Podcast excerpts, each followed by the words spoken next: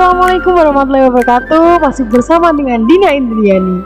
Kali ini kita berjumpa lagi di podcast. Kali ini saya ditemani dengan Mbak Putri. Ya. Selamat datang Mbak Putri. Iya, terima kasih. Mbak Putri sekarang baru kesibukannya apa sih? Cuma kuliah. Kan kuliah ya? Bukannya kuliah sekarang itu eh, lewatnya online ya? Maksudnya nggak secara langsung untuk tatap muka Kesulitannya apa sih Mbak Putri? Eh, untuk kuliah online kesulitannya mungkin di sinyal sama kurang paham aja. Kalau ada gangguan sinyal terus nanti nggak paham sama materinya. Oh, terus kalau nggak paham materinya itu kadang tanyanya sama siapa? Kan kalau kita eh, pandemi kayak gini tuh kan kita kuliahnya online dan udah punya temen atau punya sahabat belum sih Mbak? Kalau eh, sekarang ini kan belum pernah tatap muka kan ya, eh, online terus. Untuk detik ini kalau kuliah online udah punya temen kenalannya lewat sosial media juga. Eh, perbedaan teman sama sahabat apa sih? Kan kalau sahabat itu kadang kan sering kita hubungi gitu. Kalau teman kan paling kita menghubunginya waktu tanya tentang materi atau tugas seperti itu. Menurut pandangan Mbak Putri, apa sih itu teman dan sahabat? Perbedaan teman dan sahabat. Soalnya kan pasti teman-teman di luar tuh pada masih bingung gitu loh. Pada belum bisa membedakan mana itu teman dan mana itu sahabat.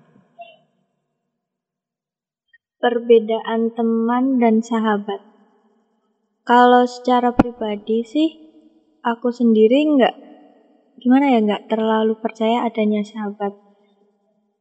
Karena kata-kata sahabat itu menurutku terlalu manis aja buat kehidupan. Kalau untuk arti teman ya, kalau bagiku sendiri teman itu adalah orang-orang yang berharga bagi hidupku, yang satu frekuensi sama aku, dan itu nggak semua orang bisa aku anggap teman. Ya sekedar kalau kenal, kalau eh, chattingan atau sekedar membahas sesuatu seperti tugas atau apa, yaitu ya sekedar biasa, teman biasa. Tapi kalau untuk teman dalam hidup sendiri itu cuma ada beberapa orang, nggak semuanya aku bisa anggap teman di hidupku. Terus menurut Mbak Putri yang paling yang paling gimana ya menurut pandangannya Mbak Putri itu dianggap sebagai teman itu seperti apa sih Mbak? Kalau bagiku sendiri, teman itu sefrekuensi sama aku, pemikirannya ya walaupun beda tapi tetap bisa menerima, nggak langsung menghakimi atau hmm, kayak apa ya, pengen menang sendiri gitu. Terus juga teman itu eh, ya suka duka dijalanin bareng.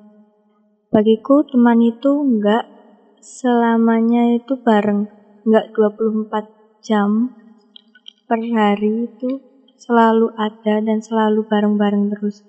Ada kalanya kita eh, nggak bareng dia, ada kalanya kita juga butuh sama dia. Soalnya menurut menurut aku, menurut aku sebagai manusia biasa, eh, apa ya kayak sifat bawaan mungkin ya, itu kita tuh datang kalau pas butuh aja gitu. Kalau nggak butuh ya udah kita nggak sama dia. Terus juga teman itu menurutku ada perbedaannya. Misal aku sama si A itu cocoknya di bagian hmm, pelajaran mungkin. Jadi aku deket sama dia membahas pelajaran. Aku sama si B itu baru curhat. Aku sama si C itu baru ke hobi atau apa gitu. Jadi nggak selamanya itu pertemanan harus selalu sama hobi, selalu sama. Bagiku teman itu juga harus saling memberi feedback. Misal contohnya dia ngasih perhatian ke kita, kita juga harus ngasih perhatian ke dia. Jadi simbiosis mutualisme aja sih. Terus em, menurut Mbak Putri nih, kan kadang kita tuh kalau punya temen kita itu kayak ada kata-kata toksik nggak di dalam pertemanannya Mbak Putri?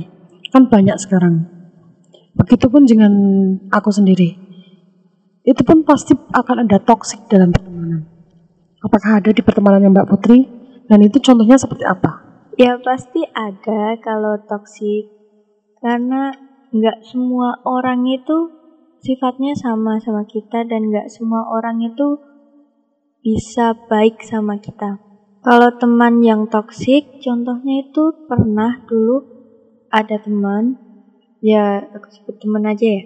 Itu kalau aku lagi berusaha untuk mencapai sebuah cita-cita atau baru berusaha naik lah untuk mempelajari hal-hal baru atau mendapatkan hal-hal yang baru, tantangan baru, itu dia selalu memberi kritikan yang membuat aku tuh langsung down, langsung kayak nggak bersemangat lagi untuk itu, terus bikin insecurity-ku tambah karena kepikiran itu, dan malah nggak jadi maju-maju karena kata-katanya dia.